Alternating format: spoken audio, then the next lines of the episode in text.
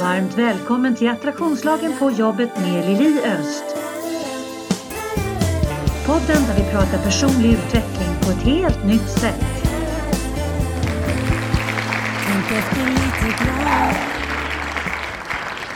Varmt välkomna till Attraktionslagen på jobbet. Det är Lili som sitter bakom micken som vanligt. Och idag sitter jag på Clarion Sign i Stockholm och poddar. Och i podden idag har jag med mig Marco Latva Nevala. Varmt välkommen Marco. Tack så mycket Lili och du sa efternamnet rätt igen, fantastiskt. Eller hur, det är ju faktiskt, jag har ju övat på det några gånger nu för att du är ju liksom en ständig återkommande gäst i podden. Jag är som ett eko. Ja men det är bra, jag gillar ekon. Bra ekon är bra. Det är när det är ekon av sådana saker som inte är så bra, de är ju inte så roliga. Men du är ett bra eko. Tack så mycket. Marco, det här är faktiskt lite roligt. Vi sitter här på Clarion Sign. Utanför oss så sitter de och filmar för Paradise Hotel. Så att det finns en risk för att vi hamnar i Paradise Hotel du och jag nu eftersom vi sitter bakom en, en glasruta faktiskt. Så att vi hamnar med i filmen. Vi blir dokusåpakändisar. Ja, det tänkte inte jag att jag skulle bli när jag vaknade i morse. Man vet aldrig vad som händer. Det är det som är så himla spännande med livet, eller hur? Helt sant. Helt vansinnigt bra. Du, jag vill börja med att flagga för att följa dig på Instagram och då heter ju du På Instagram heter jag Tips från coacher, Tips från C heter men man hittar mig på mitt namn Marko Latvanevala. Ja precis, jag höll på att säga inspirationkonsulten men då tänkte jag, fan, det är ju jag. Ja precis ja. eh, och sen heter jag ibland också Tips från coachen. Mm. Men eh, sök på mitt namn så hittar du mig både på Instagram och på Facebook. För du är otroligt aktiv där och du skriver så mycket tänkvärt. Och eh, en av de inläggen du gjorde här bara för några veckor sedan eh, som var så otroligt bra. Det blev liksom grunden till våran, vårat avsnitt här idag. För att jag gick igång i 190 och eftersom du har varit med två gånger innan och det här är inte tredje gången gilt för att jag kommer få med dig ännu fler gånger hoppas jag vid min gud. Men däremot så det, har det faktiskt blivit så att du har kommit en gång om året. Det stämmer och jag kommer gärna tillbaka nästa år. Ja, det är lysande. Berätta lite grann, vad handlade det inlägget om? Ja, det är ett inlägg som handlar om hur, hur vi kan se på den Ibland har vi ont och om man ska gå in konkret på det så handlar det om att för massa år sedan, vi pratar alltså runt 89-90, så hade jag otroligt ont i ryggen mm. och hade massa smärtor med rygg och nacke och sånt där och vi testade allt. Jag hade ett ganska tungt jobb då. Jag var byggnadsmed och vi testade med akupunktur och med värktabletter och med värmebehandling och och, och eh, sjukgymnastik och, och massa olika saker. Men ingenting hjälpte. Men verken blev bara värre och värre och värre. Och jag var sjukskriven i perioder, liksom ganska långa stunder. Och jag trodde förstås att det berodde på mitt arbete mm. främst. Eh, den var såklart säkert en bidragande orsak till att eh, symptomen fortsatte. Men eh, själva orsaken till den vet jag inte om det var själva arbetet utan det var bara en symptom på någonting annat. Mm. Utan att sen när jag väl efter mycket om och men via företagshälsovården kom i kontakt med någonting som hette Rygginstitutet som låg i Sundsvall. Så fick jag ligga där på internat i fem veckor. Så att, och, och de dagarna fylldes med eh, både fysisk träning, ergonomi, men framförallt med mental träning och avslappning. Mm.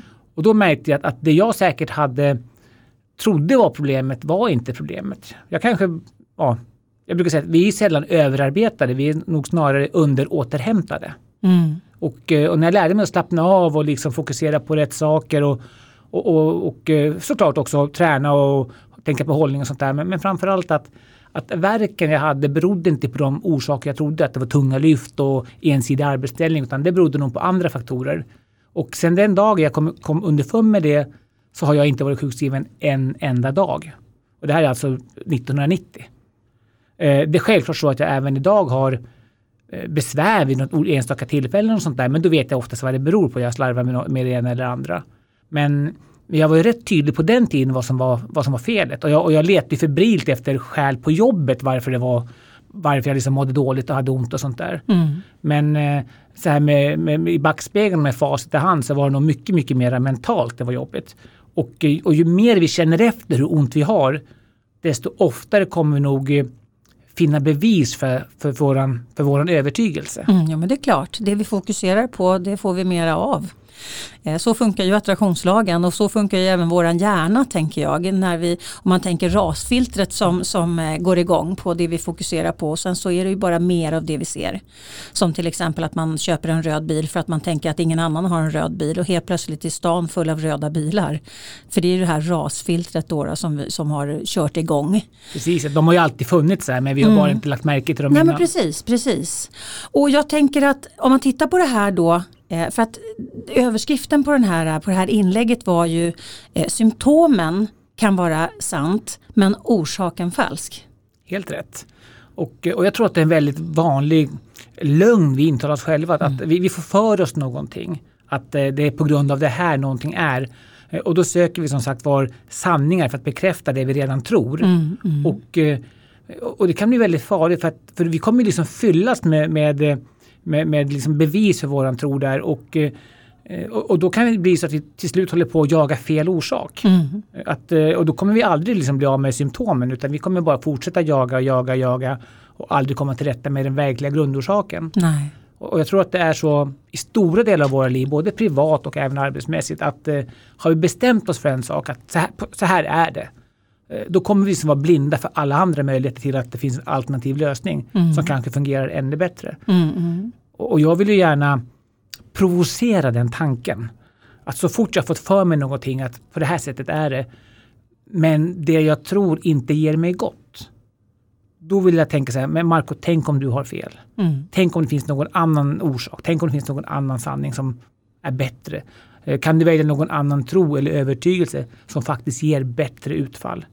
För jag tror att tankens makt är otroligt stark. Både att lura oss själva att känna efter men också till och med skapa rent fysiska konsekvenser. Absolut. Vi kan tänka oss både friska och sjuka. Och, och, där tänker jag, om man tittar på det ur ett, ur ett uh, yrkesperspektiv, om man vänder den här frågan liksom och tänker att det här handlar om, om uh, en yrkesrelaterad fråga, eller rättare sagt att man tror att det här är en yrkesrelaterad fråga. Och man jagar massa fel uh, på jobbet men det är inte där skon klämmer egentligen. Nej men så är det. Jag jag har ju varit med i många yrken och många arbetsplatser där man gör årliga liksom undersökningar. Hur mår personalen? Hur trivs man på jobbet? Och, och så vidare. Och, och, och, när man då får kanske lite låga betyg i sånt. Och då vill man gärna att ja, vi, vi måste ha vi måste ha ergonomiska stolar, vi måste höja sänkbara bord, vi måste ha mera friluftsaktiviteter, vi måste ha, ja, från det ena till det andra så försöker man hitta. Men jag tror att det där är bara smink mm. för någonting helt annat. För det, för att om jag tänker på när jag, när jag trivs i livet, när jag, liksom, när jag har kul och mår bra med, med familj och vänner och sånt där. Alltså jag kan ha kul i en container.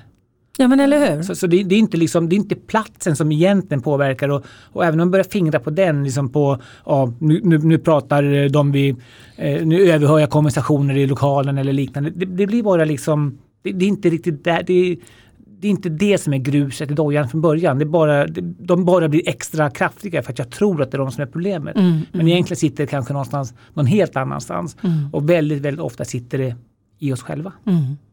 Och där, där tänker jag, för att när jag tänker förändringsprocess med, eh, på både privatpersoner och eh, i, i, eh, i företag.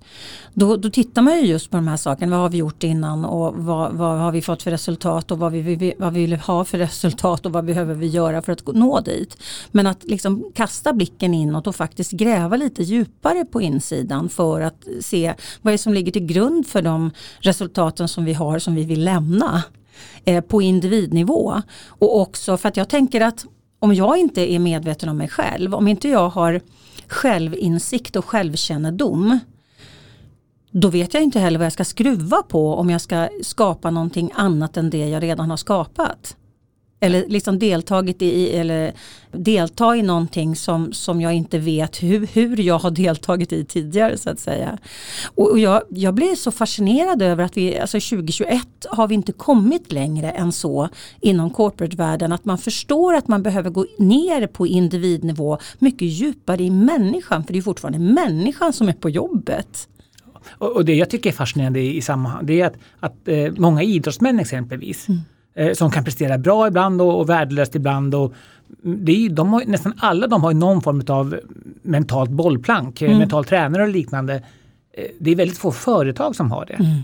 De, där vill man inte liksom gå in på, som du är inne på, på individen och, och på vår liksom uppfattning och vår eh, perception och så vidare. Utan då, då vill man inte titta på de här yttre faktorerna. Vad, vad, vad i organisationen är fel? Vad i våra flödesschema är fel? Och vad, vad kan vi liksom skruva på här och där för att vi ska få ett annat liksom, resultat? Men det är väldigt sällan vi tittar inåt och tittar på vad kan jag skruva inne i mig själv? Och hur kan jag uppfatta saker annorlunda beroende på hur, hur jag liksom väljer att tolka in en situation och sånt där. Mm. För att eh, det, det, det, vi ser är ju inte det som händer. Utan det vi ser det är det vi upplever händer. Mm, och, och, den är liksom väldigt olika från individ till individ. På dagsform, på liksom vilka färgade filter vi har med oss från olika håll och kanter. Mm. Och, eh, och dessutom är det så också att eh, och det kanske inte har riktigt med jobbet att göra men att förr i tiden då hade vi en Eh, då hade vi exempelvis vi hade dagstidningar, vi hade eh, två tv-kanaler och sånt där. Även då fick vi oss en ganska smal strimma information. Mm. Men vi fick i vart fall i oss samma strimma information. Som vi, som vi eh, förstås kunde tolka in lite olika. Idag har vi en skräddarsydd information som vi matas med. Mm. Så att min Facebook-sida är inte din Facebook-sida. Min mm. nyhetssida är inte din nyhetssida. Så vi får liksom, den är liksom, den är verkligen anpassad för vad vi ja, söker på, letar efter och, och, och beter oss.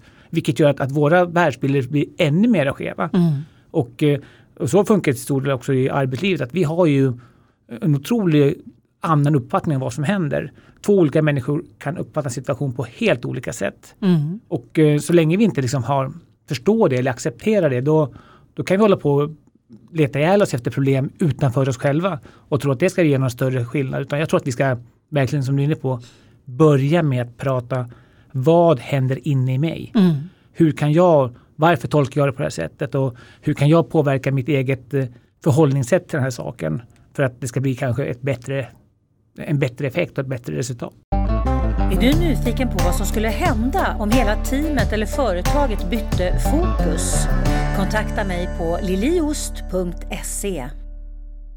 Och det är så viktigt det här tänker jag och det blir ännu mer blottlagt och tydliglagt tycker jag, eller tydliggjort nu under corona när många av oss har liksom fått eh, en del med sin vilja och en del mot sin vilja tagga ner lite grann och, och liksom få mer space i livet. Och då blir det ju också naturligtvis så att man eh, att det är lättare att reflektera för att det finns plötsligt eh, tid att reflektera. Och en del människor tycker ju det är jätteläskigt för att de springer så fort för att de inte vill reflektera för att det gör ont någonstans, det skaver. Det är någon sten i någon doja som, som skaver som 17 men man, man tar inte tag i det. Man, liksom, man förstår inte att det skulle kunna bli så mycket bättre utan den här, det här skavet.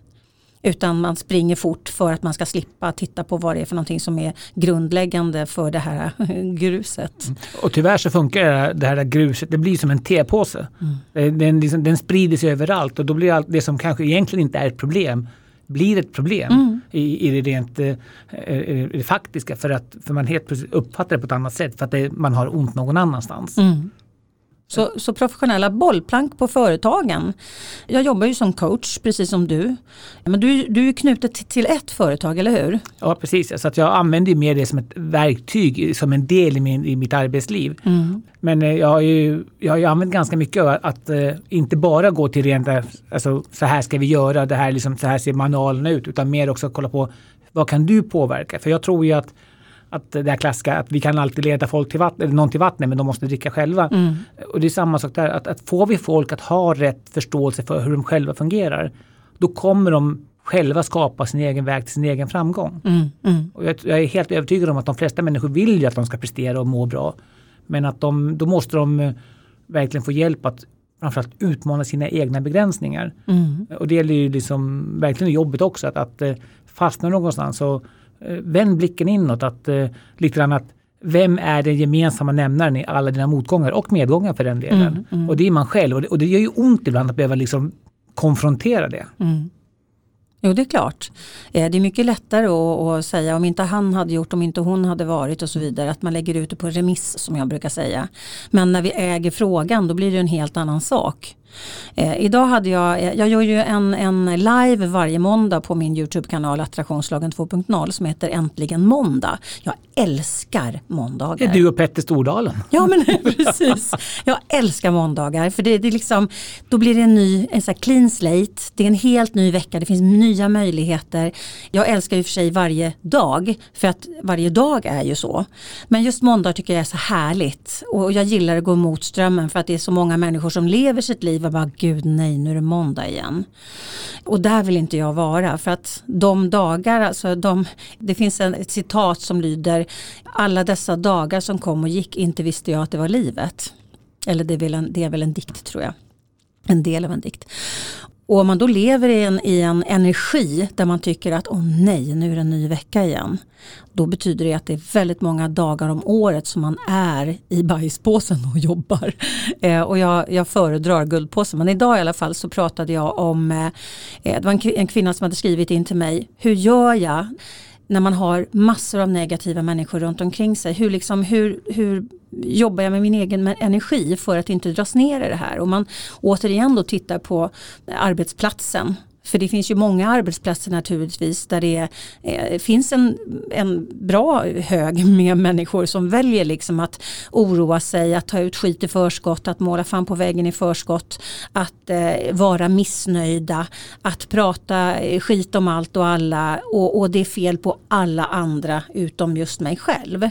Och den här energin då man sätter igång och, och, och dras med i eller inte dras med i, för det är ju ett val vi kan göra. Och om vi är på en arbetsplats där det bara är idioter, bara är negativa människor, idioter inom situationstecken och bara negativa människor, då kanske man har allt att vinna på, tänker jag, kasta blicken inåt och fundera på, okej, okay, hur kommer det sig att jag tycker det här? Ja, är det verkligen sant? Nej, för det är så, om du bara möter idioter i din vardag, då, då bör du nog ta fram spegeln en gång. Det, det, det skulle jag nog råda. I vart fall, i, i vart fall utmana den mm. tanken. För att eh, för alla människor är ju såklart inte idioter, i vart fall inte hela tiden. Nej. Och, eh, men vi, som sagt återigen, vi, vi hittar bevis för vår övertygelse vart vi än tittar. Och har, har, vi bestämt att alla är idioter, då kommer jag hitta rätt. Och det, vi nämnde nyss att vi har Paradise Hotel här. Mm. Och vi, vi, vi dömer ju dem när vi tittar på dem, de som nu gör det. Jag har ju sett dem, inte på senare år, men förr har jag tittat ganska mycket på Paradise Hotel. Och eh, om man kan tänka, åh gud vilken, vilken, vilken, vilken trög människa eller vilken rolig människa. Eller, men jag ser ju bara ett par, tre, fyra, fem minuter av, av en vecka de filmar om 24-7. Precis och dessutom så är det tv som har vinklat och de har plockat fram allting som kan vara liksom eh, Vinklat och planterat. Jajamensan. Och jag säger det, vinkla och plantera för mig och filma mig 24-7 då kan du göra mig till vad du vill i världen. Mm. På gott och ont. Mm. Och, eh, och det märker man ju, det är som du är inne på det här med jobbet också, att man om man nu tycker illa om någon människa, om man stör sig för någon människa. Eh, men så finns det andra som älskar den människan. Då kan man fundera på, är det, då, då, kan det inte vara människan i sig som det är fel på. Då måste det vara, då måste, det måste vara en subjektiv tolkning mm. som gör att, att vi tycker olika. För jag, jag möter ju folk i, i, i mitt liv, både arbetsliv men också i privatliv, där man en del tycker Fan Marco en skön jävla prick. Och så finns det de som tycker jag är helt dum i huvudet. Mm. Och jag vet ju att jag säkert kan vara både, både och. Men, eh, jag, eh, men jag är inte liksom bara det ena eller andra. Nej. Utan att eh, det, det ligger liksom i, i mottagarens egen eh, föreställningsvärld. Mm, mm, visst är det så. Och vad man liksom triggar igång i varandra för, för omedvetna program som ligger där och stör. Liksom. Men framför allt så tänker jag också att det, det handlar ju också om om jag nu är en person som tycker att alla inom situationstecken är, är liksom, eh, idioter runt omkring mig. Då är det ju bara det jag kan påverka. Det är ju mitt förhållningssätt. Och det är så skönt att liksom, många lägger så mycket energi på på, på sånt de just inte kan ha koll på. Mm. Det är därför vi stör oss på folk i trafiken, vi, vi stör oss på någon kollega som pratar och, och vi tycker varför sa den människan si och så. Och, och, och, det är klart att vi kan tycka att det var fel att säga till exempel en viss kommentar eller liknande. Men vi måste, jag brukar tänka så här att jag kan ju inte bestämma vad de ska säga. Nej. Jag, jag, jag behöver inte hålla med dem, men jag kan inte be dem vara tysta. De, de har ju lika rätt att säga vad de tycker är rätt och fel eller bete sig vad de tycker är rätt och fel som jag har rätt att tycka att de gör fel. Mm. Men det är, jag kan inte tvinga dem att följa min liksom, världsbild för då, Det skulle vara en ohållbar värld. Tror jag. Mm, mm. Och den blir ju alltså, utmanande om vi inte riktigt kan acceptera att vi behöver acceptera. Mm. När vi går upp i acceptans då blir vi ju faktiskt mer högfrekventa. Och om man, om man nu ponerar nu att man tycker att alla är idioter. Då kan det ju faktiskt vara så att, att det är det här gruset i min doja som gör att jag tappar eh, acceptansen eh, för att jag har någonting som skaver så himlans mycket i mig. Vilket gör att jag får en väldigt dålig acceptans för saker och ting som inte går enligt min plan. Ja, så blir det. Och, eh, och, och, att tänka så här att vad i mig gör så ont eftersom jag reagerar som jag mm. gör på den här händelsen. Mm. Det, det, tror jag är en ganska sund tanke. Mm. Och, eh, Sen kanske man bestämmer sig, nej men jag hittar ingenting i mig som gör ont. Jag tycker att den här människan sa något väldigt dumt, eller gjorde något väldigt dumt, eller är väldigt dum just då. Men vara öppen för det, det tror jag skulle underröja många jobbiga situationer i arbetslivet och privatlivet. Att mm. man vågar liksom återigen utmana sig själv. För det, det, jag kan ju bara påverka hur jag själv väljer att förhålla mig till saker och ting. Mm. Jag kan inte påverka hur andra ska förhålla sig till det. Jag kan inte påverka hur andra ska göra eller inte göra. Jag kan bara tänka, nu händer det här. Vad, vad, vad, tänker jag låta det här, hur tänker jag låta det här påverka mig? Mm. Och framförallt, vad är det här, även ur det mest jobbiga, vad i det här kan jag dra någon nytta av? Hur kan jag göra det här till någonting bra för mig själv? Mm. Det, det, finns alltid någonting bra att hitta ur allt som händer. Både ur ljuvliga saker och även ur smärtsamma saker. Ska man tänka att det här var inte kul, eller det här var jättekul, men hur kan jag dra nytta av det här? Mm. Så att jag på något vis drar fördel av det här. Som människa eller i mitt agerande eller vad som helst. För det finns ju leverage att göra i faktiskt i allt. Och om vi bara väljer att se det så tänker jag. Om vi väljer att sätta på sig de glasögonen. Eh, eller sätta på oss de glasögonen. Men nu, nu har vi ju i drygt ett år eh, varit inne i den här pandemin. Eh, folk sitter mycket hemma och jobbar. Det är många som känner sig exkluderade med tanke på att vi är flockmänniskor. Eh, det är svårt att upprätthålla den här liksom nära innerliga kontakten som, som man kanske har. Samtidigt som det kan vara faktiskt ännu mer innerligt nu för att man har mer one-to-ones. Att, att, men vad, vad, är din, liksom, vad är din take på det? Jag, jag tror ju att mycket av våra, det vi tycker om pandemin bygger på gamla strukturer. Mm. Att, eh, som du är inne på, att eh, vi, vi, är, vi är så distanserade som folk. Ja, men det är vi inte tycker jag. Eh, alltså min bild är att jag har aldrig varit så social som idag. Med tanke på alla Teamsmöten som vi har använt mm. och, och, hur mycket man kan kommunicera på olika sätt och hur effektiv man kan vara på det sättet. Och, för jag, jag tror inte att, att hjärnan i sig kan skilja på en fysisk möte och ett, ett digitalt möte. För allt som jag känner känner min hjärna. Det, det känner ju inte liksom min kropp. Om man ska ta ett exempel. Jag, jag kan ju bli ledsen av att se på en film. Mm. Jag, kan, jag kan börja gråta till en film, jag kan bli glad av en film. Men det är bara en film. Mm. Det, det sker ju inne i mig. Mm. Och på samma sätt tror jag att, jag kan, min hjärna kan inte skilja på om jag pratar med dig fysiskt i ett rum eller om vi sitter och pratar med varandra över telefon eller på något annat eh, digitalt forum. Men eh, men, men vi tror ju att, att vi måste mötas fysiskt för annars är det fel. Men det är för att vi har levt så i, ja, sen, sen vi föddes som människor tror jag. Mm, men jag, jag, tror inte att hjärnan i sig gör någon skillnad. Jag tror heller inte att hjärnan till exempel kan skilja på motorljud eller fågelsång. Den tar bara in intryck. Det är en tolkning ja. precis. Sen, för att sen, vi har lärt oss att ja. det här är motorljud, det här ja. är fågelsång. Ja, för en del mm. tycker om hårdrock, en del hatar klassisk mm, musik mm, och vice versa. Så, så, reagerar vi olika på de sakerna. Så att även där tror jag liksom att, att, att eh, vara öppen för att, att vi kan mötas på olika håll. Och sen så kan vi såklart ha jättekul att mötas fysiskt. Alltså, eh, och, eh, men då kan man hitta nya sätt att agera fysiskt. En del säger att det är jobbigt att jobba hemifrån ja, men hitta nya vänner att umgås med. Gå och käka lunch med grannar som också jobbar hemifrån. Mm, precis. Att man, jag, jag, tror att, jag både tror och hoppas att väldigt många företag efter den här pandemin verkligen analyserar sina beteenden. Jag, jag personligen tror att vi kommer sitta här i en framtid och säga, kommer du ihåg förr i tiden när man byggde kontor? Mm. Där folk skulle trängas in exakt samma tid, exakt samma dagar och, och liksom i trafiken och, och sitta där x timmar och sen gå därifrån samma tid jag tror att vi kommer skratta åt det i en framtid. Att, eh, varför gjorde vi så? För vi visste ju bättre. Vi hade ju tekniken som gjorde att vi kunde sitta var som helst i världen och jobba mm. egentligen. Inte alla jobb såklart, men att där det men faktiskt många. funkar. Mm. Eh, reglera tider som vi vill kanske och sånt där. Och, och eh, alla är inte där än, men det, det har hänt, pandemin har ju dragit nytta av det där ganska mycket. Mm. Men jag tror att, eh, så att väldigt mycket av vårt eventuellt eh, våra, ja, vad kallar det, depression om vi ska kalla det, när det gäller pandemin och sitta och vara avstängd från omvärlden. Den, den bygger på liksom gamla strukturer återigen. Och där tror jag att vi ska våga utmana dem. Att, men tänk om, tänk om det inte, om, om inte jobb fanns idag. Hur skulle vi bygga ett sätt att liksom vara produktiva medarbetare i ett företag? Jag tror ingen skulle komma på idén att jo, vi bygger ett stort kontor mitt i centralt i stan någonstans. Så åker vi, skickar vi dit alla människor samtidigt dygnet runt eller vissa tider på dygnet. Mm. Så jag tror att man måste våga utmana tankarna och se nu när jag sitter, vad kan jag göra bättre? Vad är effektivare och sånt där. Behöver du som chef och ledare ett bollplank? Kontakta mig på liliat.liliost.se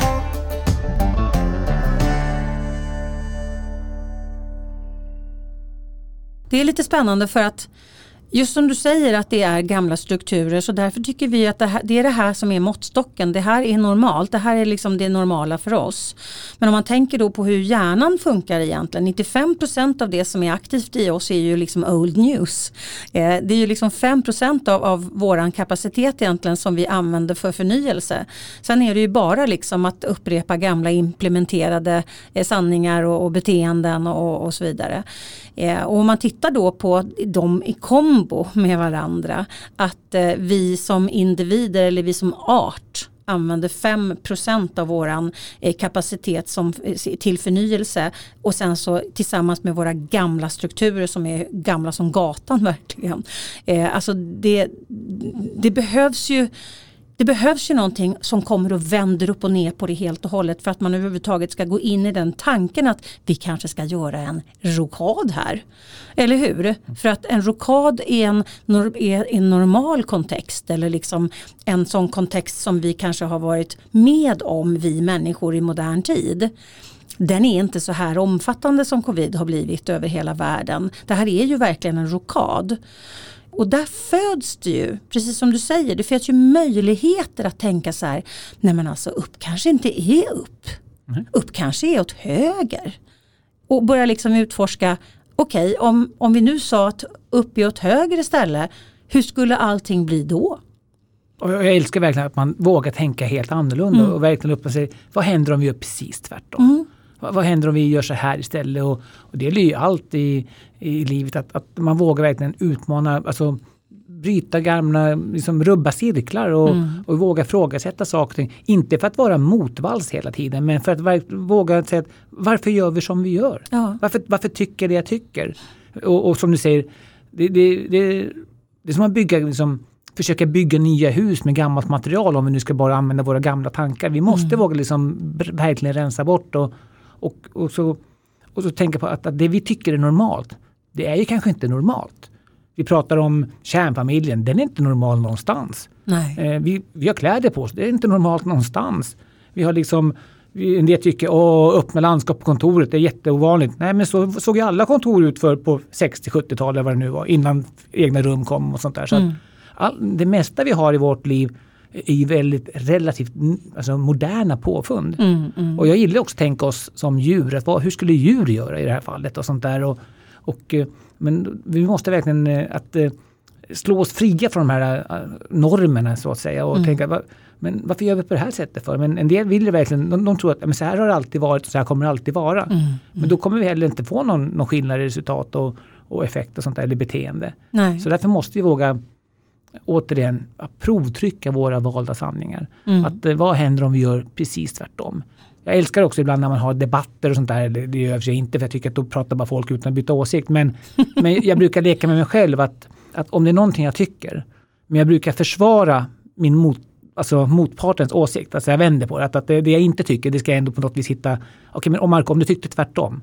Hur skulle du då kunna liksom, finna belägg för det. Mm. Eh, och, och det, är, det, är, inte alltid lätt men det är väldigt kul övning att liksom se att, att eh, men tänk ifall de har rätt och du har fel. Hur ska du försvara deras, liksom, deras mm, åsikt? Mm. Och, den, och ibland så märker jag, men Marco du, du är nog ute och cyklar ibland och ibland tänker jag eller så befäster jag den, min förutfattade mening att nej Marco du har nog rätt där. Mm, mm. Men att vara öppen för att, liksom, att där, jag kan ha fel. Den, den tror jag är väldigt sund eh, för att kunna förstå andra människor inte minst på jobbet. Precis, ja, men det handlar verkligen om att kunna relatera från att eh, liksom se det från ett annat håll. Att testa ett annat synsätt. Eh, och, och, det är ju så, vi, det är klart att vi utgår ifrån det vi tror är rätt och riktigt. Men om man tänker att det är liksom en done deal, att, eh, att nu har jag bestämt mig för att det är så här och det här går inte att ändra man är så här anal liksom så att det liksom inte går, finns ingen flexibilitet överhuvudtaget i tankesfären. Liksom Då går det ju inte att göra en förändring heller, det går inte att göra en förbättring, det går inte att göra en förädling för att då har man låst fast sig vid, liksom, man har, eh, liksom, vad, vad kallas det när man låser fast i en missil och så mm. blir det så här eh, uppsökande. Eh, värmesökande. Liksom, värme, precis, värmesökande på målet. Mm. Eh, men om man, om man gör den övningen som du faktiskt just la fram. För, förstår du vad, spännande att göra det med företaget. Att vi, eh, att vi verkligen tar ett, ett möte och tittar på om vi bara vänder upp och ner på alltihopa. Var skulle vi hamna då? Vad, är det liksom, vad tycker vi är bra? Varför tycker vi att det är bra? Är det, tycker vi att det är bra för att det är tryggt? Eller för att det faktiskt är riktigt bra? Nej, och, och just det här frågesättet, just det här, varför tycker vi så? Ja. Och, och, varför är det, och det många har inte gått så långt i tanken, de har en bild att så här ska det vara och så här ska vi gå. Mm. Men de har aldrig funderat på att, men varför tycker vi det? Mm. Finns det ingen lättare väg till att nå kanske samma mål eller liknande? Jag har ju hela mitt yrkesliv varit lite eh, ja, gått min egen väg när det gäller att hitta liksom nya sätt till, till framgång. Mm, mm. Och eh, en del är jättemottagliga för det och en del tycker oj, här, här, var det, här var det konstigt. Här kom någon och pratade om helt andra saker. Varför får vi inte massa 60 powerpoint slides då och förklara hur saker och ting funkar? När de börjar prata om att eh, men det finns andra sätt att nå till din egen framgång och sånt där. Och, och jag, jag tror att man måste verkligen våga våga liksom ja, men, se se världen med helt nya ögon. Mm. Och, och, verkligen eh, ifrågasätta det mesta. Inte som sagt för att man vill ändra det mesta. För en del misstolkar ett ifrågasättande att man är, att man är negativ eller kritisk. Mm. Och, och, det är inte det det är. Utan det handlar om att försöka, finns det ett annat sätt att se på det här? Mm. mm. Och det, är inte, det innebär inte att det sättet man föreslår är det rätta. Nej. Men det öppnar bara möjligheterna för att det kanske finns ytterligare ett tredje sätt och ett fjärde sätt att se på någonting. Precis. Och, och det är väldigt intressant att se hur människor ibland låser fast sig i sin åsikt. Mm. Och en del är lite mer, ja, men du, du kanske har rätt där. Det kanske finns en, en, annan, en annan nyans i det vi pratar om. Och är det någonting pandemin har lärt oss så är det hur, hur, hur klyftor kan skapas, hur olika vi tycker om, oavsett om vi pratar om vaccin eller inte vaccin, om vi pratar om eh, lockdown eller inte lockdown eller munskydd eller inte munskydd. Och, alltså det har ju verkligen polariserat människor och alla tycker att de har rätt och alla hänvisar till vetenskapen men jag kan hitta vetenskap som stöder min tes oavsett vad jag tycker. Ja, ja, ja, För vetenskapen är som virus, den muterar. Ja, ja absolut, absolut. Och sen så är det ju, bara för att det är vetenskap så betyder ju inte det att det fortfarande är aktuellt. För att vetenskap är ju en, ett antagande och en, en, en, eh, en, eh, någonting som har kommit fram till genom den informationen som du har haft tidigare. Men kommer det ny information då kanske inte alltid vetenskapen håller. Om man, om man tänker på den vetenskapen som vi eh, går efter som kanske kom, kom då, då de, de senaste 300-400 åren det är ju väldigt, väldigt mycket av den vetenskapen som vi faktiskt fortfarande lever efter som faktiskt inte stämmer överhuvudtaget för att det har kommit fram eh, kontra, kontra information. Senast för ungefär 70 år sedan fick eh, en person Nobelpriset för att han kom på lobotomi. Mm. Och det skulle ingen komma på att använda idag. Nej. Men det kanske vi kommer använda om 50 år igen, inte vet jag. Ja, vi får väl hoppas att vi inte går dit. Men jag är ju så, apropå att tänka annorlunda, det är ju, liksom, det är ju, det är ju jag i kvadrat. Jag har ju verkligen valt ett annat sätt att se eh, världen och eh, våra möjligheter och vårt sätt att tänka och vad det finns för större bild att tolka än, än många vågar. Och jag har ju dessutom inte nöjt mig med att vara liksom i privatpersoner eh, i det facket utan jag, jag har ju hela tiden velat gå in i corporate-världen för att det är där man kan göra den största impacten. Det är där man kan liksom, når man ledare då kan man nå ledare och sen så ut i organisationer och sen så ut i familjer. Eh, så att det finns ju en, en enorm påverkan där. Men, men jag har väl verkligen lagt mig i ett fack som många tänker är oj det var konstigt. Mm. Den saken är säker. Men det börjar luckras upp. Alltså. Jag är ju envis som en röd gris och jag har ju bestämt mig för att, eh, att fortsätta Eh, för att jag ser att det går att göra så mycket, alltså går att göra sån enorm skillnad. Jag märker ju på det, alla mina klienter jag har till exempel och det, det är ju både yrkes, eh, yrkescoachning och eh, privatcoachning. Men när man får på sig de här glasögonen och zoomar ut och börjar se livet och våra möjligheter och resultaten, alltså orsak och verkan ur ett, ett helikopterperspektiv, då blir man bara oj då, det där hade jag ingen koll på att det där hänger ihop. Och det som är så kul, det är när man ser när, när poletten trillar ner hos mm. människor och så bara händer någonting. Mm. Och helt plötsligt, i princip över natt känns det som, så mm. blir det ett helt annat resultat, ett helt annat beteende. Och, och, och jag tänker på också, det, du är inne på det här med att, att om vi tar attraktionslagen. Mm. Och eh, för många tycker att äh, det är bara flum, det, det, det är inte så att det regnar pengar på mig bara för att jag tänker på det. Nej, men det handlar inte om det för mig utan det handlar om att liksom fastna inte vid detaljerna utan liksom försöka se helheten. Att, att, men om jag nu kanske tänker på ett speciellt sätt då kanske jag söker mig till den informationen, söker mig till den utbildningen, söker mig till den situationen mm. där det faktiskt förekommer för de finns ju överallt i världen. Mm.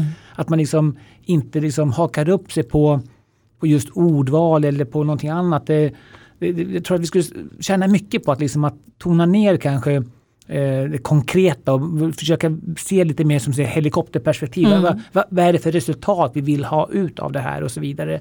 Att, eh, för, det, för jag tror ju att, att eh, skruva, skruva lite i människan så kommer det hända mycket i resultat. Absolut. Jag, jag, jag har en liten metafor som jag brukar använda som handlar om att, att om jag står och, nu spelar inte jag golf, men om, alltså långgolf. Men om jag hade gjort det, om jag peggar upp och slår ut bollen och eh, då hamnar den x antal meter bort på ett specifikt ställe. Om jag sen vrider klubban bara några grader och, och, och peggar upp en ny boll och slår, då kommer min boll hamna inte bara några centimeter ifrån utan den kommer hamna kanske flera meter ifrån min förra boll. Mm. Och det betyder att ett, ett liten skillnad där jag står kommer ge stor skillnad på sikt. Mm. Och samma sak om jag nu upplever att jag, att jag är långt ifrån där jag vill vara så behöver jag inte ändra så mycket för att kanske hamna där. Utan jag behöver gå tillbaka där jag startade och skruva lite, lite, lite. Mm. Eh, och, och sen så kommer det ge, bli ett helt annat resultat som kan ge väldigt stor skillnad. Mm. Och där tänker jag, ofta då så går man kanske tillbaka och så skruvar man på det man gjorde för att få ett nytt resultat. Mm. Men jag tänker ju för att om jag tittar på hur attraktionslagen funkar och många kopplar ihop attraktionslagen med boken eller filmen The Secret. Och eh, den var en av de böckerna eh, som fick mig att förstå, jag läste tre stycken böcker på rad. Det var två stycken böcker om krisens alla olika faser och den tredje var The Secret. Och det här var 2006. Jag började läsa om attraktionslagen eh, i början av 80-talet. Så 2006 tyckte jag att jag hade en rätt bra koll på vad attraktionslagen var, eh, hur jag interagerade med den och så vidare. Men då, i den här trion med de här böckerna, då insåg jag att jag verkligen inte hade förstått det jag på djupet behövde förstå för att förstå hur vi interagerar med, med den här universella naturlagen, hur vi interagerar med biofältet utanför oss själva. Vilket gjorde att därifrån, från 2006, eh, började jag fördjupa mig på ett helt annat sätt börja också liksom fördjupa mig inom kvantfysik och så vidare. För att attraktionslagen handlar inte om någon, någon, någon jävla plingplonglag som du bara ska sätta dig och affirmera och sen så ramlar det ner eh, pengar i skallen för, på dig. Och lite så var The Secret uppbyggd på lite så här fluff. Och, och, och, och, och är, det är därför jag har gjort, alltså jag har skapat en egen metodik där jag blandar beteendevetenskap med läran om attraktionslagen och då pratar jag kvantfysik i samma andetag som jag pratar beteendevetenskap för att zooma ut, förstå att vi är del av någonting större. Det är ju det det handlar om. Vi är del av en energi som är större än oss själva och när vi förstår det och kan jacka i och haka i den grejen och ta ansvar för vad det är för någonting som vi sänder ut i det här biofältet. Då helt plötsligt så fattar vi ju liksom varför vissa saker eh, bara blir eller vissa saker alltid eh, liksom lyser med sin frånvaro för då kan vi helt plötsligt se det ur ett annat perspektiv. Men det här med att, liksom att, det, att, att det, om vi bara fokuserar tillräckligt starkt så kommer vi få det. Nej, det stämmer inte för att vi själva har så mycket programmeringar och, och massa paradigm och rädslor och, och begränsande sanningar och, och, och det är ju de som ligger i vägen för oss. Helt rätt och, och för det, jag, jag pratar också om det att, att det mesta startar i våra tankar. Mm. Eh, i de frågeställningar vi ställer till oss själva och hur vi resonerar och hur vi, hur vi uttrycker oss. Hur vi, för det skapar sen våra känslor Mm. eh, som i sin tur skapar någon form av tillstånd. Mm. Eh, och utifrån de tillstånden så tar vi emot kanske omvärlden och, och eh, också agerar som får någon form av resultat. Mm. Och om vi bara kan skruva lite grann och förstå liksom vår del i det hela. I, i allt, liksom vår lilla sten vi kastar i vattnet, hur de här ringarna på vattnet sen sprider ut sig. Mm, mm. Så, så, så kan vi skapa en helt annan situation ur exakt samma liksom, händelse egentligen. Mm, mm. Eh, Och eh, jag tänkte också på det vi pratade om det här med att, att eh, symptom och orsak och sånt där. För att eh, jag skrev ett inlägg i somras eh, som fick otroligt mycket kommentarer. Långt ifrån alla var positiva kan jag säga. Eh, utan att det hela gick ut på att, att om jag bestämmer mig i förväg för att må på ett speciellt sätt då kommer jag må så, högst sannolikt. Mm. Om jag bestämmer mig för att eh, nu har inte jag sovit, imorgon kommer jag vara trött. Då kommer jag nog vara trött imorgon. Absolut. Om jag bestämmer mig för att ah, nu har jag grävt i trädgården och imorgon kommer jag ont i ryggen, då kommer jag få ont i ryggen imorgon. Eh, Och, och, massa olika saker. Om jag bestämmer mig, oj nu har jag ätit någonting jag inte tål, jag har ätit lak- liksom, mjölk som inte är laktosfri, druckit det, då, då kommer jag bli dålig i magen. Då tror jag att jag kommer bli dålig i magen, i vart fall så ökar sannolikheten. Och jag vill verkligen få bort det, att våra tankar, hur det faktiskt påverkar även vårt fysiska jag. Absolut. Eh, Och, och, och det tyckte många att det, det, det, så var det inte alls det. Men det handlar ju om kemiska reaktioner. Och och jag är helt säker på att, att, att, de, att alltså mind och, och eh, människa hänger mycket, mycket, mycket mer ihop än vad vi, de flesta människor faktiskt tror. Ja, och det finns ju faktiskt väldigt mycket forskning på. Ehm, otroligt mycket studier gjorda på. Och jag tänker ju mer vi ser oss själva som holistiska. Jag brukar prata om att det är väldigt många huvudfotingar ute och, och knallar. Som har liksom skurit av hela sitt känslocentra och bara är uppe, huvudet, eh, uppe i huvudet hela tiden och, och, och bara resonerar utifrån då rädslor eh, och programmeringar. Eh, och, och de här filtrerna som vi faktiskt har alla. Eh, men om man då skär av eh, liksom själva känslocentrat, om man skär av själen, om man skär av eh, intuitionen, magkänslan och så vidare. Då får vi ju Ja, men det blir ju liksom som att, att eh, du inte får all information hela tiden. Du missar den största delen av informationen. För att vi har ju faktiskt, eh, även hjärtat är ju ett kognitivt organ. Vi har ju hjärnceller i hjärtat. Och, och man har ju kommit fram eh, i forskningen och visat att förut har man ju trott att det är hjärnan som sänder signaler till hjärtat. Att det är den vägen det går. Men det är faktiskt the other way around. Det är hjärtat som sänder signaler till hjärnan som sen går vidare. Så att det startar ju hjärtat. Och är man- då huvudfoting och bara liksom styrs av eh, logik och, och struktur men har skurit av den känslomässiga biten då missar vi en jättestor del av vital information. Men sen så kanske man går in i väggen Eh, många gånger är det ju så när man går in i väggen för att man har varit för mycket huvudfoting. Och så slår man över åt andra hållet och så tappar man huvudet helt och hållet så blir man bara en hjärtfoting. Och så har man inte med sig logik och struktur överhuvudtaget utan man försöker liksom bara känna sig fram i världen. Då blir det lika illa. Så när vi börjar se oss själva som holistiska varelser som behöver vara huvudhjärtfotingar. Vi behöver ju liksom informationen från, från båda delarna. Och, och faktiskt ännu mer hjärtat än hjärnan. För att hjärtat är ofta mycket smartare än hjärnan. För hjärnan styrs av paradigm. Och massa begränsande sanningar och saker vi lärde oss när, liksom innan vår analytiska hjärna kom igång och så vidare. Som sen har blivit en sanning som kanske absolut inte ens gagnar oss. Men, men den ligger fortfarande och styr vårt liv. Eh, så om man tittar på det här ur ett, eh, ur ett eh, yrkesperspektiv, om man tittar på det här i ett företag och om inte då människorna i företaget har koll på, eh, på sitt inre och så ska vi samarbeta för någonting som vi inte riktigt har samma syn på. Och inte ens kanske ledningen har syn, samma syn för de har inte samma agenda egentligen. Och sen så ska vi försöka att få någon typ av harmonisk framgång där framme. Söker ni en annorlunda kick-off i år, in real life såväl som online? Kontakta mig på lili.liliost.se. Det blir väldigt svårt. De flesta Ja. företag har ju värdeord. Mm. Men de är ju sällan genomsyrade ner till individnivå. Nej, Och eh, framförallt inte vilken tolkning man gör av de här så kallade värdeorden. För det går inte att säga det här är våra värdeord, de ska du hålla med om. nej. Ja, men vad betyder det för mig? Vad betyder, vad betyder omtänksam för mig? Mm. Vad betyder det att vara personlig för mig? Vad betyder det att vara enkel eller vad man nu har för ord liksom? Att, Service. Ja, att, Ja. Så att där, att där, där måste man verkligen, tror jag, om man nu ska jobba med sådana liksom redskap, då måste man verkligen liksom analysera vad betyder det här för dig och hur kan vi på bästa sätt göra, använda de här i, vårt, eh, i vår verksamhet så att det faktiskt gör någon form av nytta någonstans. Mm.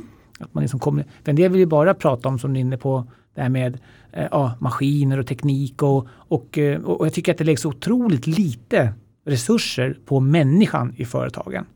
Och så otroligt mycket resurser på tekniken. Mm. Eh, på datorer och på system och liksom, liksom knacka hård, koder och sånt där. Men som förvisso är jätteviktigt.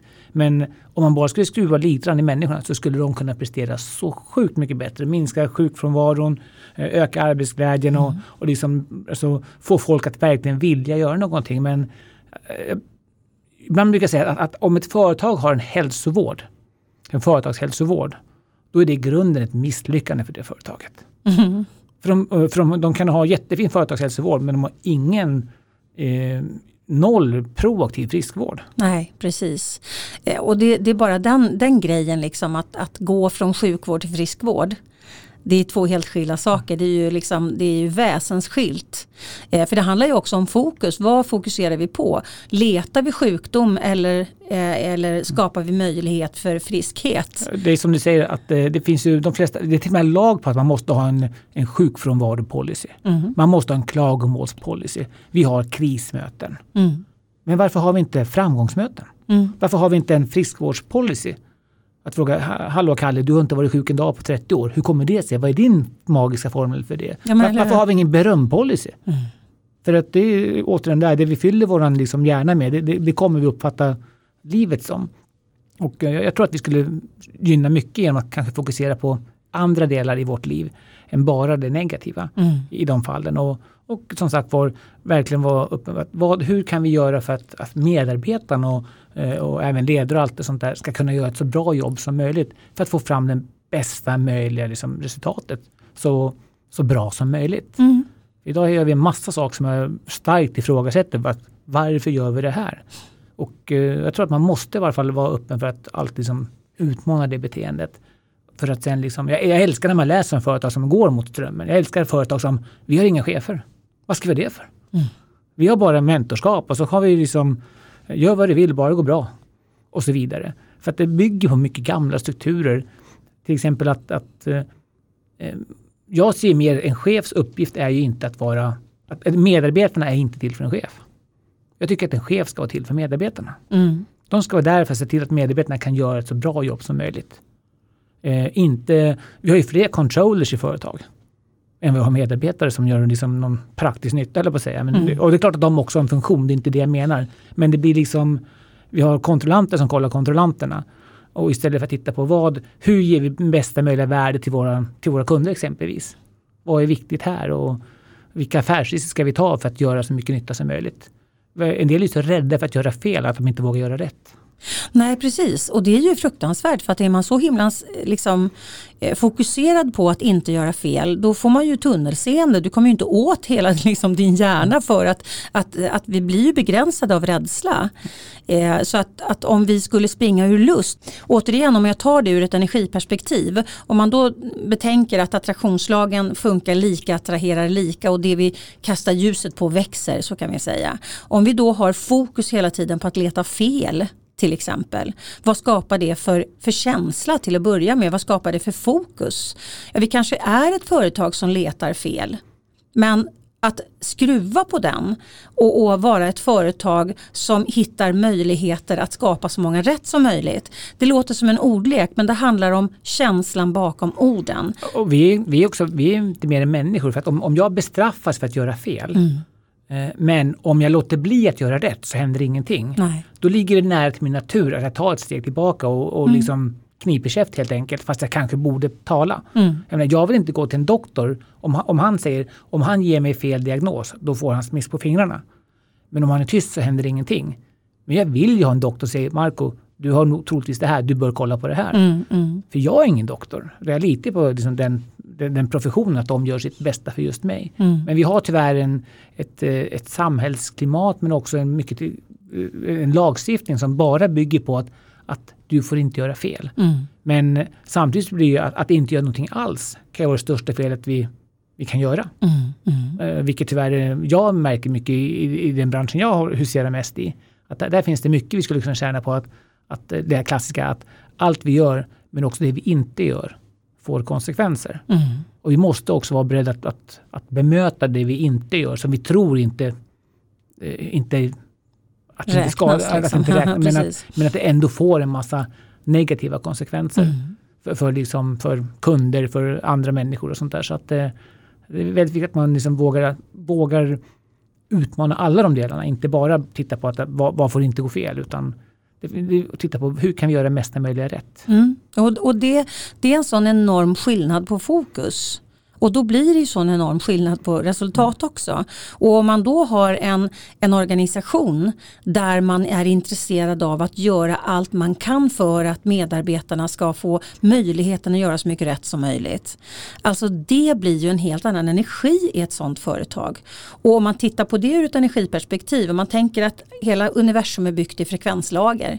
Och precis som att P1 och P4 inte ligger på samma frekvens och sänder. Alltså vill du lyssna på P1 så sätter ju inte du på P4 för det fattar vi som människor att vi hör inte den kanalen då om vi har rattat in fel eh, megahertz. Men däremot så tror vi att vi kan ha ett negativt fokus men förväntar oss positiva resultat. Men det är precis samma sak som P1 och P4. De ligger inte på samma frekvens och sänder. Så därför så behöver ju vi bli så om vi har alla våra mål vi sätter. Vi sätter ju mål, vi har drömmar, vi har visioner för att vi tror, egentligen om man hårdrar det, så handlar det om att vi tror att vi kommer må lite bättre när vi har nått det. Mm. Eh, Det är ju därför man, man sätter mål. Vi tror att vi kommer må bättre, vi, vi kommer få mer pengar och då tror vi att vi kommer må bättre för då kan vi göra mer saker. Men till syvende och sist så är det liksom vi kommer må lite bättre. Så att därför är ju alla våra mål och visioner högfrekventa. Men om vi tror att vi kan leva på en låg frekvens och nå dem då är det ungefär som att vi springer omkring och letar efter våra mål på plan 1. Men alla målen ligger på plan 10. Och vi kommer aldrig hitta de där målen på plan 1 för vi är på fel nivå och söker. Så för att få upp hela företaget i energi för att bli mer högfrekventa då behöver vi gå ner på individnivå och titta på vad är det som stör inne i den här människan. För att om vi har ett helt företag med massa människor med grus i dojorna då är vi på fel nivå, då är vi på fel plan eh, eh, och, och jobbar. Eh, och det här är så viktigt eh, att eh, förstå att det här får ett energikvitto. Det är det här som jag menar med energikvitto. Och när man då zoomar ut och ser det ur ett större perspektiv. Och jag menar du gör ju också det. Vi pratar ju mångt och mycket om samma saker du och jag fast vi väljer olika sätt att, att kommunicera ut det. Men det handlar ju fortfarande om att, att titta på de sakerna som vi vill ska kvantifieras. Inte de sakerna som vi inte, vi inte vill ska bli mer eller större av, eller hur? Har ni fastnat i negativa tankemönster som skapar oönskade resultat? Kontakta mig på lili.liliost.se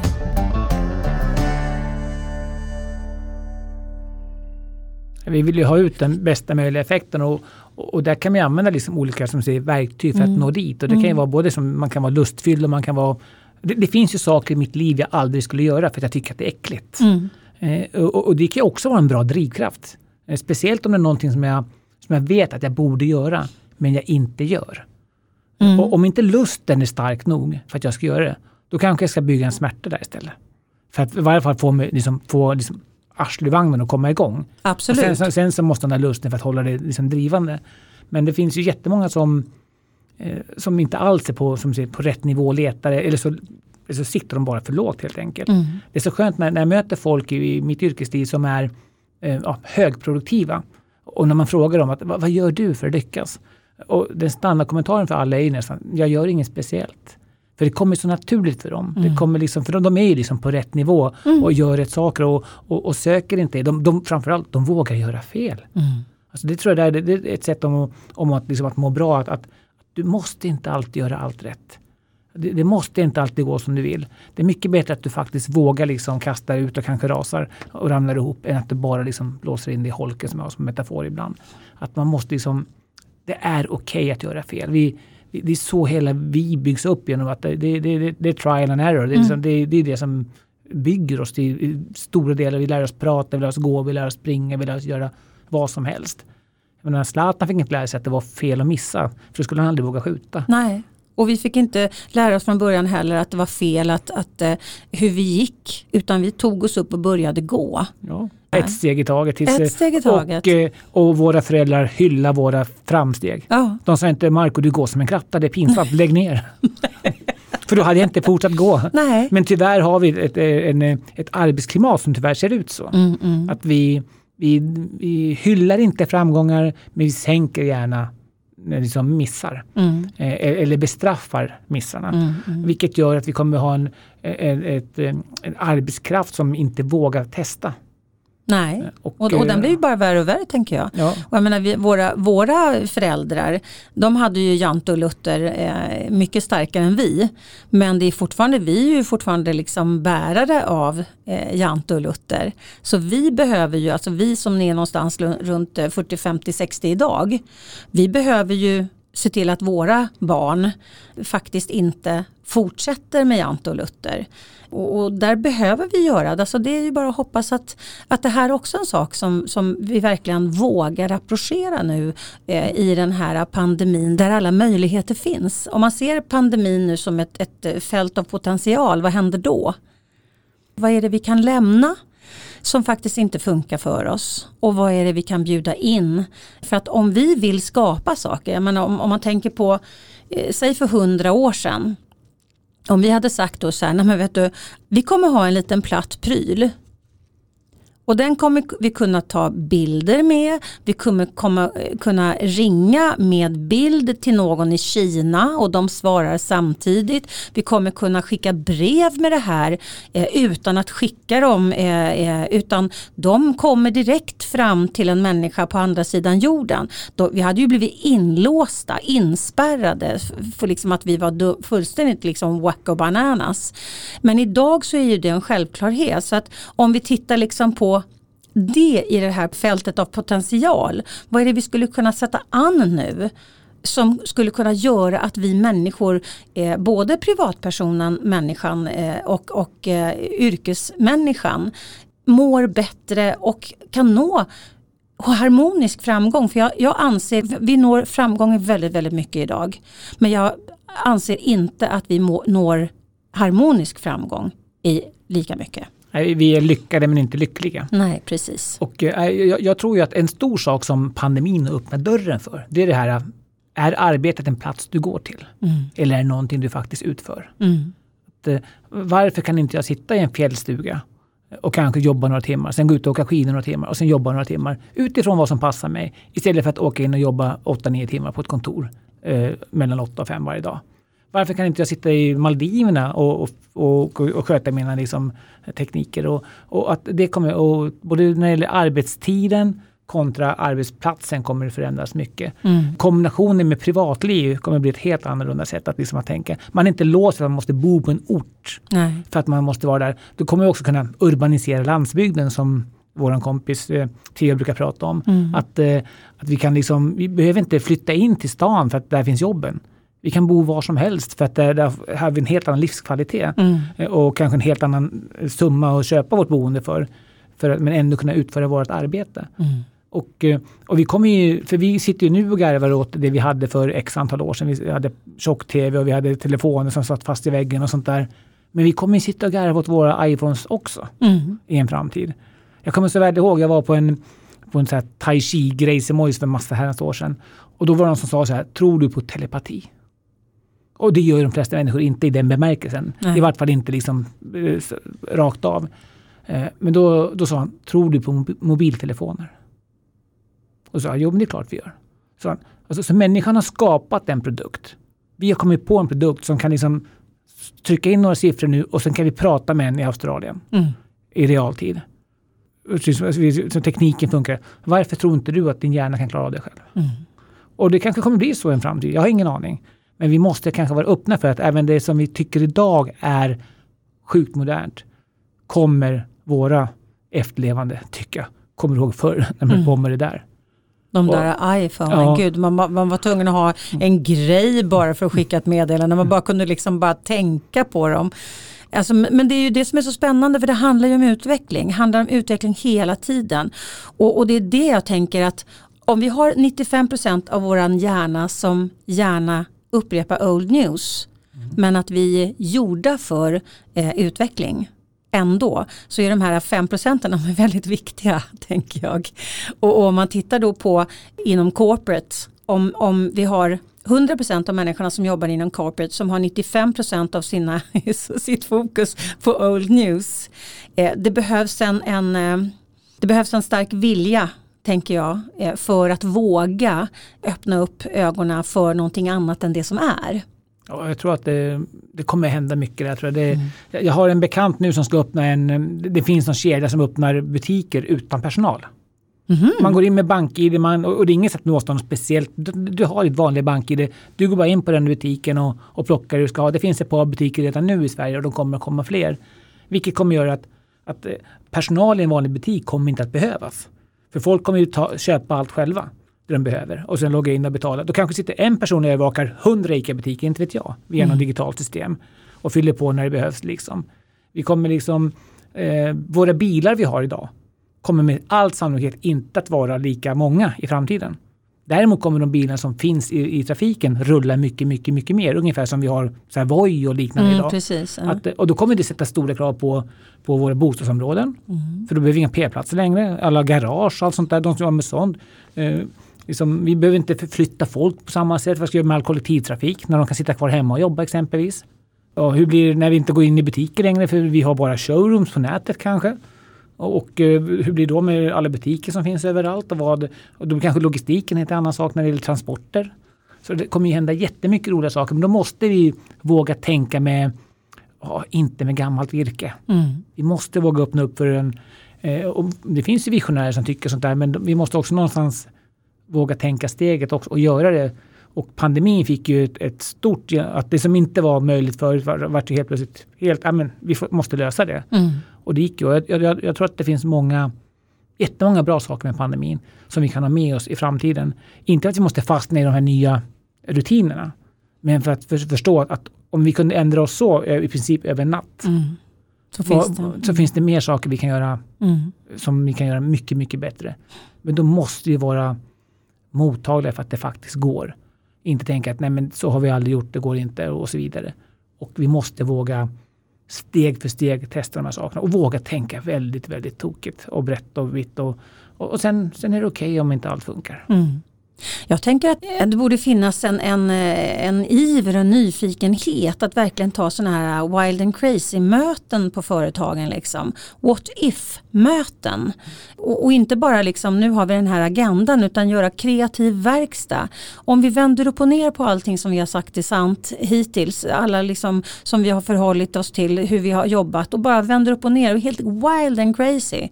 Vad skulle vi kunna få fram då? Verkligen ha sådana här brainstorming Eh, alltså kreativitetsmöten. Tänk vad mycket spännande saker som skulle kunna hända om man vågade göra det. Jag kan tänka mig att det är inte så många företag som går in i den. Liksom. Nej, tyvärr inte. Och, eh, men fler skulle våga testa det. Vi har ju några som, jag vet inte hur det funkar i praktiken, vi har ju Google. Google, har, ja men de eh, är ju så- fantastiska. Som, som, liksom, väldigt mycket av deras uppfinningar har ju kommit med de här. Mm. De, har, de får jobba en viss del av sin tid med, med vad de vill egentligen, bara det liksom, blir någonting coolt utav det. Mm. Och, eh, men då måste vi ge, då måste vi våga ge folk fria ramar. Mm. Vi måste våga avsätta både tid och resurser åt de här sakerna och inte liksom, nej det går inte, det, det funkar inte och sånt där. Och, och vi måste framförallt våga, utan att kritisera, så måste vi, vi, vi testar. Mm. Så har vi i varje fall gett en chans och, och, och låter det också ta lite tid. Jag, eh, om vi går tillbaka till pandemin, det finns ju jättemycket saker i vårt beteende kring pandemin som jag tycker är jättefascinerande. Att hur vi beter oss och, och jag tänkte, tänk om våra råd var precis tvärtom. Tänk om jag sa till alla människor, sitt inte hemma, dra till fjällen, var ute, ut och rör på er, träffa gamlingar med, med lite distans men var ute. Barn, låt dem leka mycket de vill, stäng ingenting för, för allt får ju konsekvenser. Mm. Jag menar, det, för en del tror jag att, att bara vi stänger igen och håller oss hemma och låser in oss så innebär det inga nackdelar. Men det är klart att det också får konsekvenser. Absolut. Men så tänk om man ska liksom vända på råden helt och hållet. Vad, vad, skulle det bli för någonting? Och jag säger inte att alltihopa skulle bli bra, men jag gillar tanken. Mm. Att tänka, tänk om man skulle göra helt annorlunda. Vad skulle det få för negativa konsekvenser och för positiva konsekvenser? Och vad är egentligen liksom bäst? Vilket vinner, precis. Ja, och, och, och, det vet vi inte svar på än, på, kanske på decennier. Nej. Men det, jag gillar att, att inte bara liksom springa i samma rädda liksom, led. Mm. Utan våga tänka, liksom, stanna upp, vad, vad håller vi på med? Och, och, och, sånt där. och det gäller ju framförallt jobben också. Att, för vi sitter och håller på i samma ekorrhjul år efter år och har våra måndagsmöten, vi har våra liksom, utvärderingar, vi har våra kvartalsrapporter. Och, och för vem och för vad och varför? Som verkligen vågar ifrågasätta att, att det vi sysslar med, är det, är det rätt sak? Mm. Är, det det, är det våra kunder vill ha? Och är, det det liksom, och är vi inspirerade att, att leverera? Och liksom, är vi inspirerade att vara vårt bästa jag i leveransen? För det handlar ju väldigt mycket om vi är inspirerade. Om man tänker till exempel på en, en, en egenföretagare kontra en anställd. En inspirerad egenföretagare. Det är klart att det finns egenföretagare som är oinspirerade men då är de väldigt sällan egenföretagare länge, tänker jag. För man behöver ju vara driven om man ska vara en, en egenföretagare. Och de har också en ganska stark kausalitet mellan leverans och mat på bordet och tak över huvudet. Precis, ja. exakt. Så därför som egenföretagare behöver man ju vara driven och motiverad i det man gör. Hade jag inte som egenföretagare varit så motiverad att göra det jag gjorde då hade jag inte haft den drivkraften att jobba framåt i den liksom, energin som jag gör. För mig finns det ju liksom inte, jag kan inte sitta och bara sitta av tiden för att det är ingen som kommer att ge mig pengar då. Eh, men jag kan sitta av tiden till en viss del på vissa arbeten. Inte sitta av tiden utan att göra någonting men jag kan sitta av tiden och inte vara inspirerad av det jag gör. Men ändå lyfta pengar. Och det finns många anställda som också bara sitter av tiden. De kan till och med motarbeta mm. eh, sitt, eh, där de är anställda och ändå lyfta sin lön. Det får liksom inga konsekvenser. Nej, men om man tittar liksom på den energin och, de här då som sitter och bara lyfter lön de tillför ju ingen bra energi till företaget. De tillför ingen bra energi till sig själva. Inte ut i, liksom runt, i, i sina kretsar runt sig själva för att de har gått in i en energilöshet. Men om de hade varit intresserade och inspirerade av det de gjorde då hade ju de varit en bättre ambassadör för företaget. De hade kommit åt en eh, mycket större del av sin hjärna. De hade varit mycket mer konstruktiva och kreativa. Så att jag tänker att om man tittar då på ett företag, om man gör den här typen av kreativ verkstad då kanske man kan väcka även de här som sitter och sover. Ja, för alla vill ju blomma ut. Ingen, ja, men... sitter, ingen sitter och vill vara en rutten kvist. Liksom. nej. Men att de har bara inte hittat, kommit över sin egen tröskel av rädslor eller vad det nu må vara. Nej. Så att där måste man verkligen, och då gäller det att vara en väldigt coachande ledare kanske. Mm.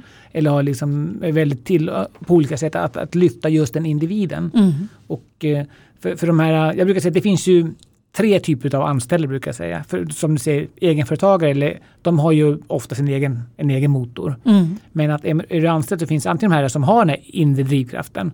De, de ska man inte göra så mycket åt. De ska man bara liksom kratta manege för och hålla, liksom klappa på ryggen och berömma. För de, de kommer klara sig själva. Mm. Ibland petar de i rätt riktning för att de liksom ska inte eh, liksom, gå för mycket vilse. Eh, så har vi den här sist, den här, jag kallar dem ibland för påkörda kadaver. eh, om jag ska ta i lite grann. Det vill säga att de, de, de är bara bromsklossar. Mm. De vill ingenting. Eh, de ska man egentligen bara kapa. Det finns ju de som är motvalls men som ändå är bra. Som, mm. gör, som gör det för, med en positiv intention. Men de här vill inte ens det. De, de är bara, allt är fel och allt är värdelöst. De, de kostar bara tid och kraft mm. för alla och de levererar inte. Men så har vi den här som jag tror är den största artikeln, det vill säga jag kallar den för vagnarna, inte loket utan vagnarna som ändå någonstans vill åka med.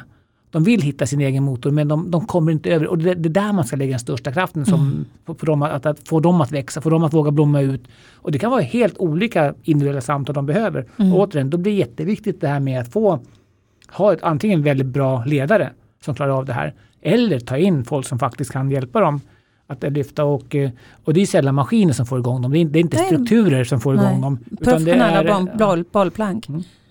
Definitivt. Och, och det, alltså, om, om fler företag skulle förstå vikten av att ta in professionella bollplank som har som uppgift att se och bekräfta och inspirera och, och låta människor vända blicken inåt och hitta massa saker som, som finns där som är fantastiska, som de inte hade någon koll på. Och hitta de här bromsarna in i sig själva som ligger i vägen för att de faktiskt kan skapa eh, sitt bästa liv och vara sitt bästa jag herregud, då skulle man verkligen kunna skapa harmonisk framgång i företagen. Men hittills så är det inte många företag som har fattat den prylen. Så jag, du som är företagare där ute, jag hoppas verkligen att du lyssnar på mig och Marco idag. För det här är, ni, vi ger er extremt mycket värdefulla tips här. Du lyssnar på Attraktionslagen på jobbet. Podden som utmanar gamla sanningar och inspirerar till nya tankegångar när vi förstår det, då, då kanske vi inser också att, att, på våra arbetsplatser sitter det en massa människor som har både mentala och fysiska smärtor mm. eh, som de har fått för att de intalar sig själv fel saker. Mm. Ibland påhejade av sina chefer och ledare. Mm. Medan om man bara kan liksom få dem att, att ändra riktning i sina tankemönster och i sina, alltså, hitta flera vägval som kanske ger bättre beteenden, bättre effekter mm. och, och bättre resultat det behövs inte skruva så mycket för att faktiskt kunna skapa en stor skillnad. Mm. För eh, de exempel jag har sett när folk går från att vara kanske mediokra till att bli fantastiska i, i liksom prestation och leverans. Så är det inte så att de helt plötsligt har fått en massa ny kunskap eller ny, liksom, nya verktyg. Utan det är att de, de, har, de har blivit bättre i sig själva. Mm. Det startar i oss själva. Och vi kan, som du var inne på nu, vi kan hämma oss själva med våra tankar och vi kan tänka oss fantastiska mm. och bli superstjärnor i vår roll. Och jag tror att vi skulle tjäna mycket på att arbeta mycket mer med att utveckla våra tro om oss själva. Mm, våran inre stjärna. Ja, för mår vi bra så kommer vi fungera bra, då kommer vi också prestera mm, bra. Mm. Gud vilket bra sätt att liksom sy ihop påsen på idag Marco. Guldpåsen. Guldpåsen syr vi ihop. Mm. Men du berätta, om man eh, blir nyfiken på dig, man kan ju, man kan ju följa dig då, då på Instagram som jag började med för att jag tycker den är så viktig. Jag är alltid inne och kommenterar dig för att jag tycker du skriver så mycket bra saker. Och det är alltid bra och jag älskar som inspiratör eftersom jag jobbar så himla mycket med att inspirera andra människor så älskar jag att eh, tanka inspiration och det gör jag mycket i, eh, i, på din Instagram, på ditt Instagramkonto. Yes. Men eh, berätta, vad, vad når man dig med på? Ja, men egentligen nog, du når mig nog lättast där. Det är bäst, bäst där? Ja, det är nog bäst där. För då, det, det är ändå min, min privata sfär och där, där, där kan du nå mig när det gäller det som rör de bitarna. Och, mm. Eh, så vill du, vill du ha kontakt med mig så är det bara att höra av dig. Jag finns på sociala medier, alltså Facebook och Instagram och jag har inga Ja, du, du når mig, jag har inga spärrar så att säga. Så Nej, att, och det, han, han heter alltså Marco Latva Nevala. Mycket bra. Eller hur? Som jag har övat på detta. Men du Marco, stort tack för att du kom hit och förgyllde podden ytterligare en gång. Och varmt tack till dig som lyssnar och varmt välkommen tillbaka. Tack för att jag fick komma och vi syns om inte förr så nästa år. Jajamän. Hej då! Hej då! Du har lyssnat på podden Attraktionslagen på jobbet. Podden som utmanar gamla sanningar och inspirerar till nya tankegångar. Tänk efter lite grann. Hur har du det omkring dig nu? Är du nöjd? Är du nöjd med det du har? Var är du Har du funderat på att ta ett annorlunda kliv? Känner